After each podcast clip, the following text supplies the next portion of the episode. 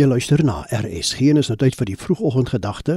Dit word ver oggend aangebied deur Dominee Janus Roo van die NG Gemeente Gamtoosvallei Oos in Patensie in die Oos-Kaap. Ek groet jou in die wonderlike naam van Jesus Christus. Ons is in Lydensweek op pad na Goeie Vrydag toe.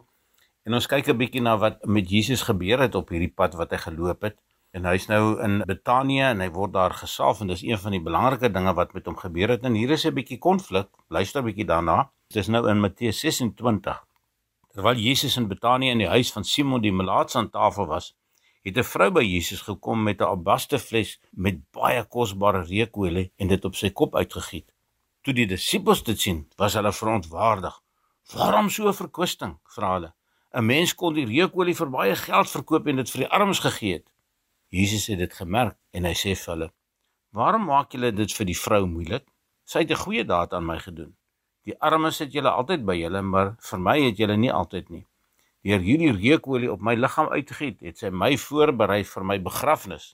Dit verseker ek julle, oral waar hierdie evangelie in die hele wêreld verkondig word, sal daar ook vertel word wat sy gedoen het tot 'n herinnering aan haar. Jesus is besig om mense om hom te vertel en hy weet mos nou waarheen hy op pad die vooruitsig van sy dood en eintlik is hy besig om hierdie proses self aan die gang te hou en die disippels kort kort daaraan te herinner dat hy is op pad soontoe, maar dit lyk nie of hulle dit heeltemal verstaan nie. Maar ten spyte van dit wat vir hom voorlê, weet ons dat God word nooit onkant gevang nie. Hy laat alle menslike planne sleg en goed vir hom werk. Daarom kan ons dan vashou dat die koninkryk van God uiteindelik volledig sal deurbreek. En dit weet Jesus. Maar sy disippels blykbaar nie.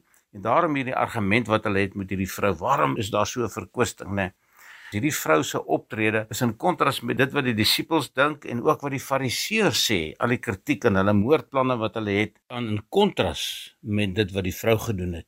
Maar dit lyk my dat nie net hulle nie, maar ook die disippels sukkel hiermee want hulle kan nie hulle vereenselwig met hierdie idee van Jesus se lyding en dood nie. En hy sê dan nou sy berei hom voor vir sy begrafnis. So dit lyk asof hulle onwillig is om Jesus op sy pad te volg mag hierdie vrou se goeie daad dan vir jou en my motiveer om in teenstelling met dit wat die disippels en die fariseërs wil hê, die Here te loof en te prys met ons lewe, aan hom die eer te bring.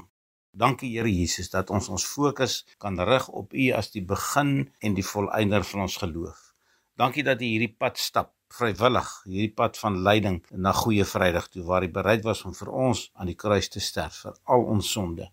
Ons loof U naam daarvoor en dankie dat ons hierdie pad saam met U kan stap. Amen. Volgens se vroegoggendgedagte is aangebied deur Dominee Janus Roo van die NG Gemeente Gamtoosvallei Oos in Patensie in die Oos-Kaap.